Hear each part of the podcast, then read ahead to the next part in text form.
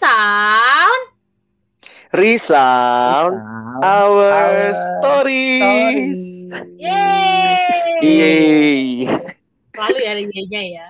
Nah, uh, kita sekarang mau ngebahas, eh, kalau minggu lalu kita udah ngebahasin tentang tentang apa yang kemarin ya?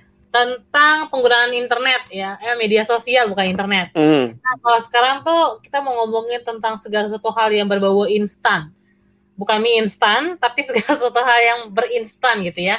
Gue bingung sih definisi instan itu kan uh, sesuatu hal yang prosesnya nggak ada, mungkin bisa dibilang kayak gitu kali ya. Uh, apa namanya uh, ya yang yang apa ya bang ya bisa dibilang ya yang langsung kalau dari KBBI itu ngomongnya langsung tanpa dimasak lama dapat diminum atau mungkin langsung dimakan hmm. gitu nah tapi rupanya mie instan yang depannya dari IS gitu ya itu rupanya mereka melalui proses teman-teman jadi kayaknya segala sesuatu tuh nggak ada yang instan ya bahkan gorengan yang kita makan aja tuh dia harus melalui masuk ke dalam panci panas, minyak panas gitu ya. Pokoknya segala sesuatu hal yang panas. Jadi sebenarnya nggak ada yang benar-benar instan. Tapi kalau gue lihat zaman sekarang sih, so, so penerawang banget ya gue ya. Kalau yang gue lihat tuh zaman sekarang tuh segala sesuatu tuh pingin instan. Contohnya, lu pingin apa cita-citanya? Gue pingin kaya, ya kan? Udah kaya gitu. Gimana caranya ya rebahan aja. Dia berharap nanti waktu dia membuka mata, dia sudah menjadi orang yang kaya. gitu lah. Pokoknya intinya kalau enggak lu mau jadi apa? Karena youtuber lagi uh, booming ya terkenal atau enggak rupanya mereka tahu bahwa jadi youtuber itu dapat duit banyak akhirnya berpikir kayak udah aku mau jadi youtuber aja. Kenapa mau jadi youtuber? Kayak dibayar soalnya. Pokoknya intinya gitu doang. Jadi kayak nggak ngelihat bahwa ada proses di dalamnya. Menurut teman-teman sendiri gimana? Ernest tuh Ernest yang suka makan mie instan. Iya banyak lagi makan. jarang kan instan.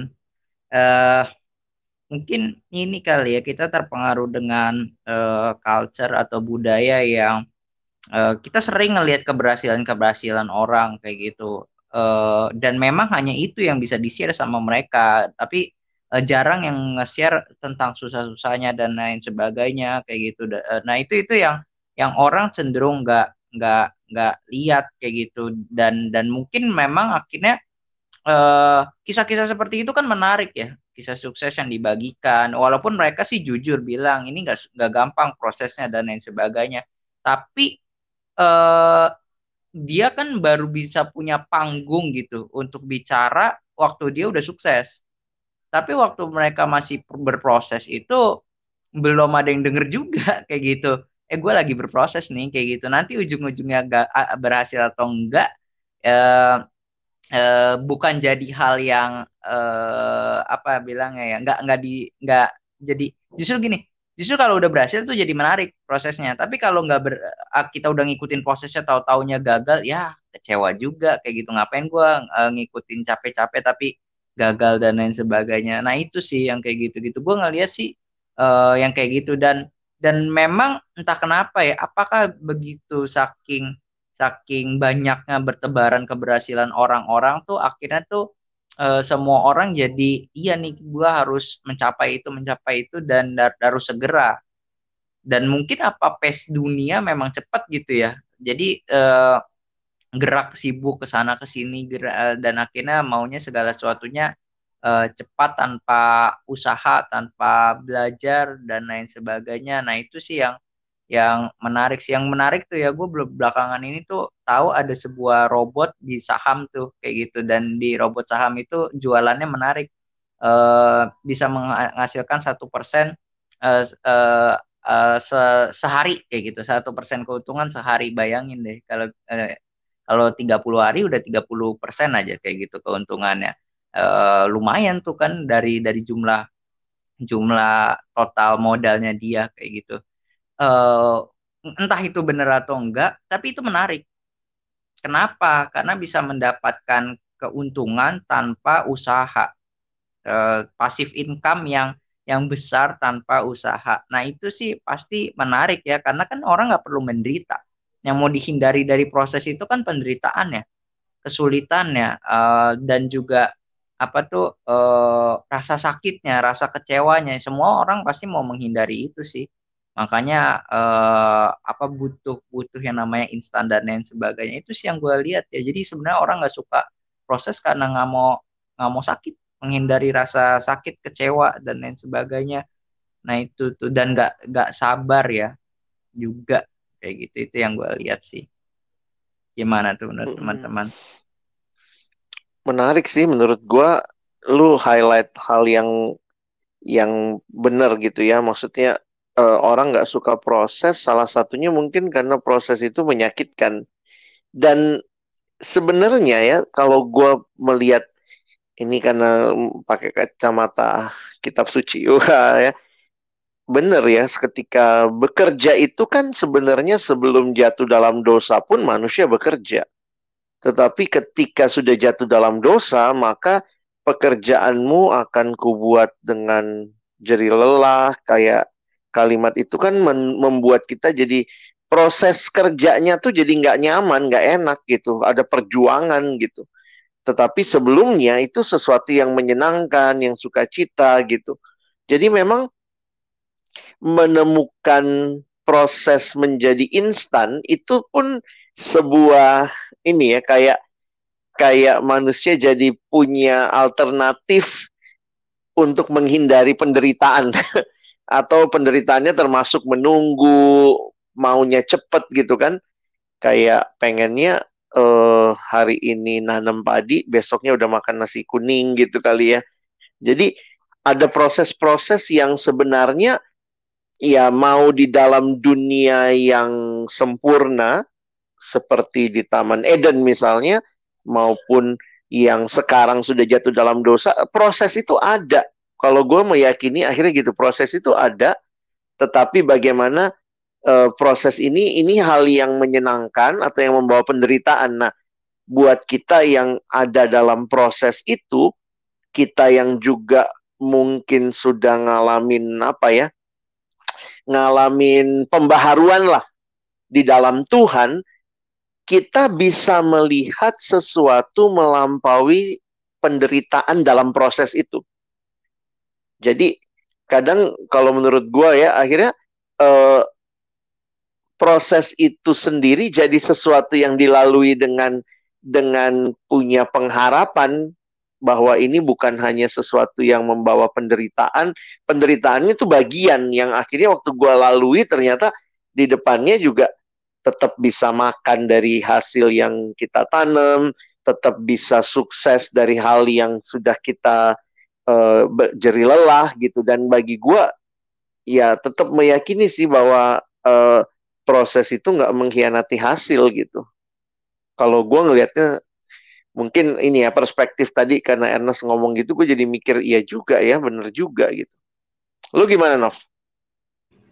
Iya, sebenarnya sih gue setuju ya sama uh, perspektifnya teman-teman semua gitu. Tapi uh, eh, gue gue jadi setelah ini jadi kepikiran kak kalau gimana ya gue bilang ya. Ada orang yang ada pandangan yang mengatakan kayak gini kan kita tuh harus melihat hasilnya gitu. Jadi segala sesuatu tuh best by hasil gitu. Tapi ada juga pemikiran yang melihat segala sesuatu tuh kita harus lihat prosesnya, bagaimana dia bisa mencapai ke sana gitu ya. Baik tujuannya nanti tercapai atau enggak, setidaknya kan dia sudah melalui proses ini gitu. Nah, gue jadi takut bahwa generasi sekarang tuh eh, melihatnya tuh jadi ke yang satu gitu. Maksudnya kayak uh, prosesnya terserah lah mau kayak gimana. Yang penting hasilnya tuh uh, tercapai gitu. Jadi kayak gimana ya? Jadi kayak lupa aja gitu segala sesuatu tuh perlu ada pengorbanan. Karena pengorbanan juga bentuk proses ya. Kalau generasi sekarang tuh kan banyak istilahnya kayak rebahan segala sesuatu. Nah harus ada bagian yang hilang iya gak sih? Ketika mereka mau masuk dalam proses itu juga gue sih ngelihat ini sih ya gue makin uh, waktu itu sih gue merenung-renung soal proses ya. Salah satunya adalah gue ngelihat proses itu tanda bahwa kita tuh manusia kayak gitu. Atau itu bukti kita manusia. Uh, siapa yang bisa melewati menghasilkan sesuatu tanpa prosesnya Tuhan kayak gitu. Dia berfirman langsung jadi itu bisa kayak gitu. Karena dia punya kemampuannya Tuhan punya kesanggupannya untuk melakukan hal itu. Justru uh, apa proses itu menunjukkan bahwa manusia itu terbatas. Kita untuk menghasilkan sesuatu nggak bisa instan, perlu waktu dan kita terikat di dalam waktu. Cuman Tuhan kan yang nggak terikat uh, di waktu kan. Nah itu yang akhirnya tuh eh, mungkin manusia nggak suka akan hal itu ya kayak gitu untuk mendapatkan sesuatu harus berjuang dan lain sebagainya karena memang eh, itu mah kayak kayak lagi mensoundingkan tuh kan lu terbatas tuh kan lu tuh nggak nggak bisa mendapatkan hmm. uh, semua hal yang lu inginkan.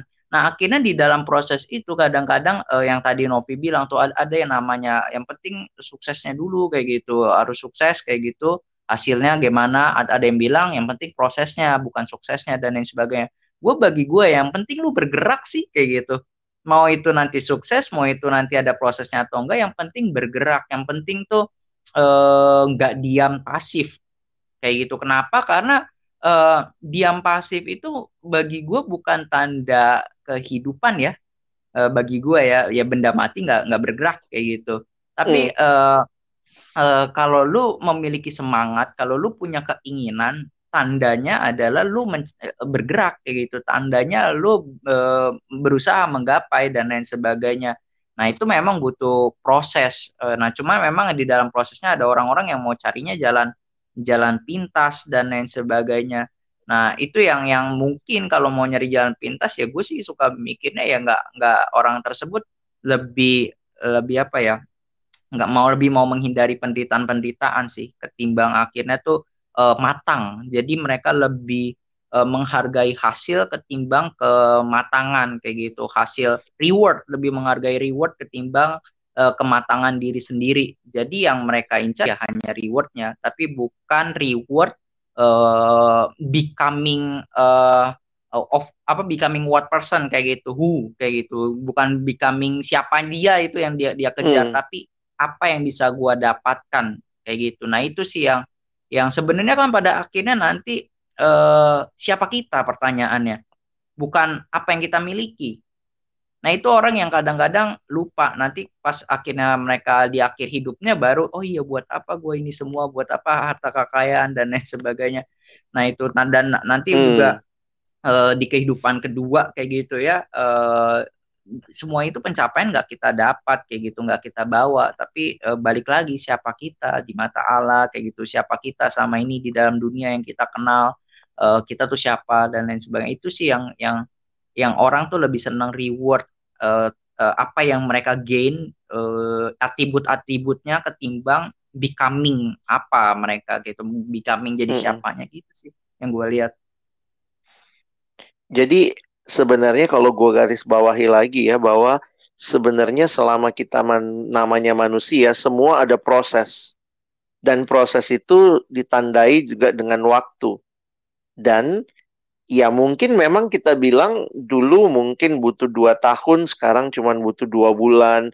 Dulu rasanya cuma butuh uh, uh, dulu dulu butuh misalnya 30 menit, sekarang cuma bisa tiga menit. Jadi tetap bukan berarti instan itu nggak ada proses, tetapi prosesnya mungkin lebih singkat secara waktu.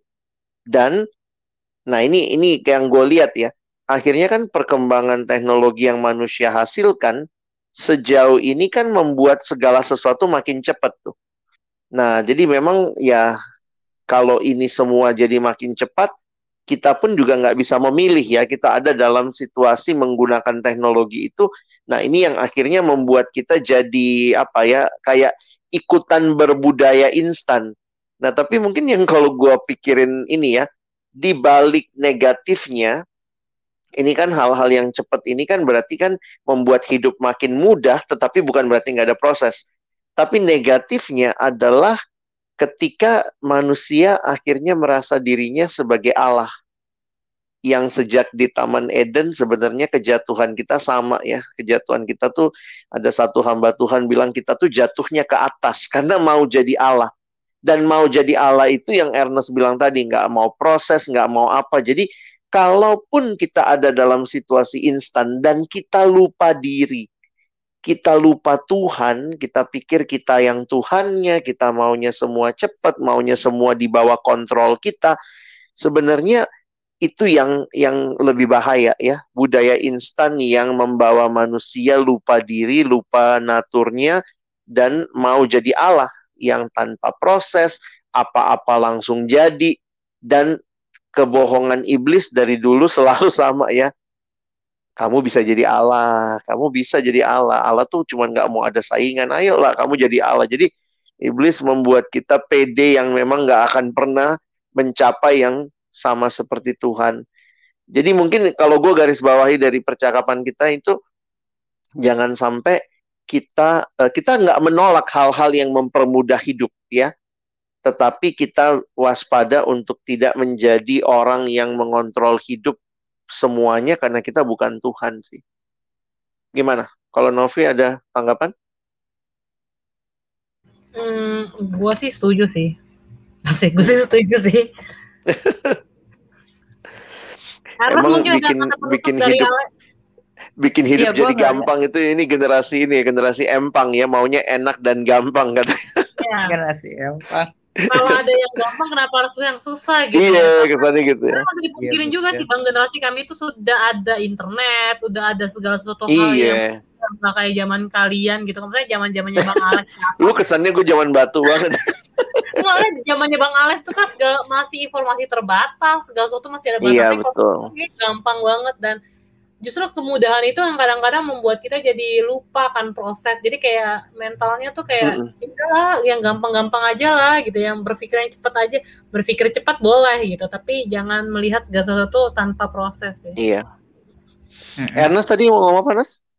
Iya gue ngelihat sebenarnya ya kalau dari dari uh, pandangan kekristenan kayak gitu di Alkitab sendiri pun kita ngelihat uh, semua tokoh-tokoh Alkitab uh, melewati proses kayak gitu. Mereka melewati proses kayak kayak uh, Musa itu 40 tahun di Mesir, 40 tahun di uh, bersama Yitro kayak gitu ya gembalain domba-domba kayak gitu. Daud juga waktu melawan Goliat nggak tiba-tiba dia langsung menang kayak gitu tapi dia udah ada pengalaman ngelawan singa dan beruang dia bilang kayak gitu aku ngelawan singa dan beruang dan dan Daud tuh di, diminta untuk apa tuh namanya dia bukan untuk mimpin perang saat itu kayak gitu tapi mm -hmm. diminta mm -hmm. untuk melawan one by one sama prajurit nih oke okay, sih gue lihat sih uh, bisa bisa tahu strategi perang terus juga dia pernah latihan uh, one by one combat kayak gitu tapi Daud juga pernah one by one combat sama singa dan yang menarik bagi gue adalah uh, proses itu bukan sebuah kutukan kalau kutukan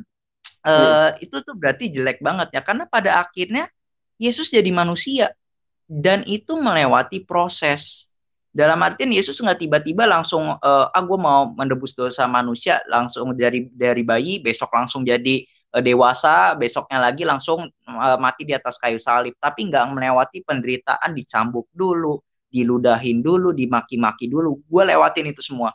Pokoknya langsung mati di atas kayu salib. Nah kayak gitu. Nah itu itu yang akhirnya tuh uh, uh, Allah sendiri yang yang akhirnya uh, ikut menderita di dalam uh, proses-prosesnya yang dialami manusia mm -hmm. itu itu yang menurut gua ngelihat wah ternyata proses itu bukan sebuah kutukan kayak gitu uh, karena itu udah ditebus dan ada sebuah makna yang jauh lebih baik ketimbang mm. ketimbang penderitaan penderitaan wah ini capek nih wah ini tersiksa nih dan lain sebagainya karena Yesus sendiri pun melihat itu ada sebuah hal yang harus di dijalani mm. dan dari dari sesuatu hal yang buruk itu uh, yang sakit itu, yang penderitaan itu, Allah bisa menghasilkan hal yang baik kayak gitu yaitu hmm. uh, penebusan banyak orang dari proses yang sakit itu uh, Allah turut bekerja sehingga akhirnya bisa menghasilkan yang baik. Bayangkan kalau Allah nggak turut bekerja dan bayangkan penderitaan itu nggak akan menghasilkan hal yang baik. Mampus, mendingan hmm. gue nggak usah, hmm. mendingan gue makan mie instan terus tiap hari. Gitu.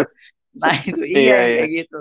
Nah itu yang menurut gue menarik sih kayak gitu. Justru di dalam kekristenan kita ngelihat uh, Allah masuk di dalam waktu dan mm. ikut proses sih seperti itu. Yeah. Jadi proses bukan hal yang jelek, bukan kutukan. Mm. Nah itu. Oke, jadi ini percakapannya menarik ya untuk kita coba renungkan beberapa hal tadi. Mungkin sebagai penutup dari Novi, dari Ernest, nanti ada nggak nasihat atau apa ya pesan-pesan gitu untuk encouragement untuk generasi ini ya teman-teman yang sedang mengalami proses dan kadang-kadang kan prosesnya nggak mudah lalu kemudian udah kebiasaan dengan budaya instan maunya cepat gampang padahal lu bukan anak sultan coy. Gitu ya. Kadang-kadang situasi kayak gitu. Nah gimana nih Novi apa pesannya buat teman-teman? Kalau gue sih akhirnya melihat setiap proses itu baik sih. Maksudnya emang gak nyaman dan gak gampang, tapi itu akan membuat kita melihat hal itu berharga gitu. Maksud gua ketika lo ngedapetinnya dengan gampang, lo akan ngebuang itu juga dengan gampang. Dan, hmm. dan menurut gua akhirnya ini sih nikmatin aja prosesnya gitu. Karena uh, kayak bayi, kayak misalnya bayi harus jalan gitu ya. Kalau dia nggak jatuh, dia nggak akan hmm. tahu kalau itu salah kalau misalnya lo nggak ada proses di situ atau kok kalau misalnya bayi jatuh terus dia nggak mau uh, jalan lagi dia nggak akan disampai berjalan gitu nah jadi menurut gue nikmatin aja prosesnya walaupun sakit mm. ya inget bahwa ada Tuhan sih maksud gue itu mungkin yeah. salah satu alasan kenapa ada Tuhan uh, bukan itu mungkin salah satu alasan kenapa Tuhan membiarkan adanya proses gitu biar lo tahu ada Tuhan gitu kalau misalnya nggak ada proses mm, mm. Dan langsung dapetin lo jadi kayak ngerasa lo adalah Tuhan ya Tuhannya ya. itu iya. lagi gitu ya. Tapi ketika ada prosesnya yeah. lo kan tahu oh iya ada Tuhan gitu. Maksudnya hmm. gue emang nggak sanggup. Makanya kenapa gue butuh Tuhan? Itu sih. Thank you Nov. Luar biasa nih. Quotable semua nih. Oke okay, Ernest gimana bagi gue ini sih ya proses itu inevitable lah kayak gitu buat manusia. Hmm. jadi proses itu menunjukkan bahwa kita manusia kayak gitu jadi nggak usah di hmm. nggak hmm. usah menyangkal nggak usah hmm. uh, apa tuh uh, nolak proses uh, nggak nggak usah menolak proses karena memang itu bagian dari manusia justru kalau kita menghilangkan uh, proses itu ya justru kita lagi nggak manusiawi sih kayak itu menurut hmm, gua nah hmm, itu hmm. jadi uh, memang proses adalah hal yang baik karena itu manusiawi seperti itu oke okay. thank you Nas gua mungkin memberi pesan ini kali ya buat teman-teman nikmatilah hidup di dalam segala sesuatu yang serba instan dengan tetap menghargai proses. Wah, itu gimana tuh? Tetap menghargai proses di tengah semua yang serba instan ini. Bahkan yang teman-teman bilang instan pun ada prosesnya karena kita masih di dalam waktu, kita pun berproses lewat waktu. Mungkin lebih cepat aja, tapi bukan berarti tanpa proses.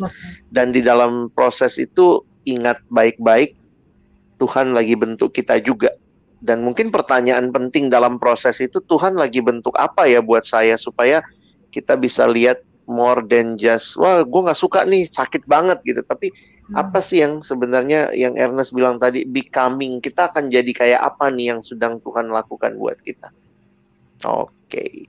Novi mau nambahin enggak sih nggak cukup Seakan itu tuh iya.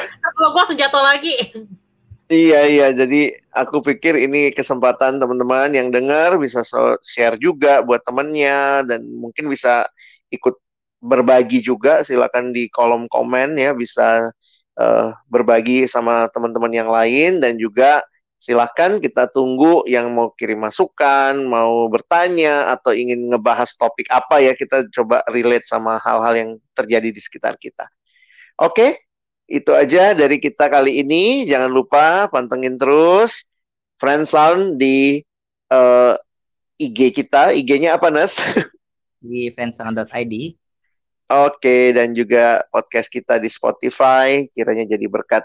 Sampai ketemu teman-teman. Thank you. Bye. Bye. Dadah.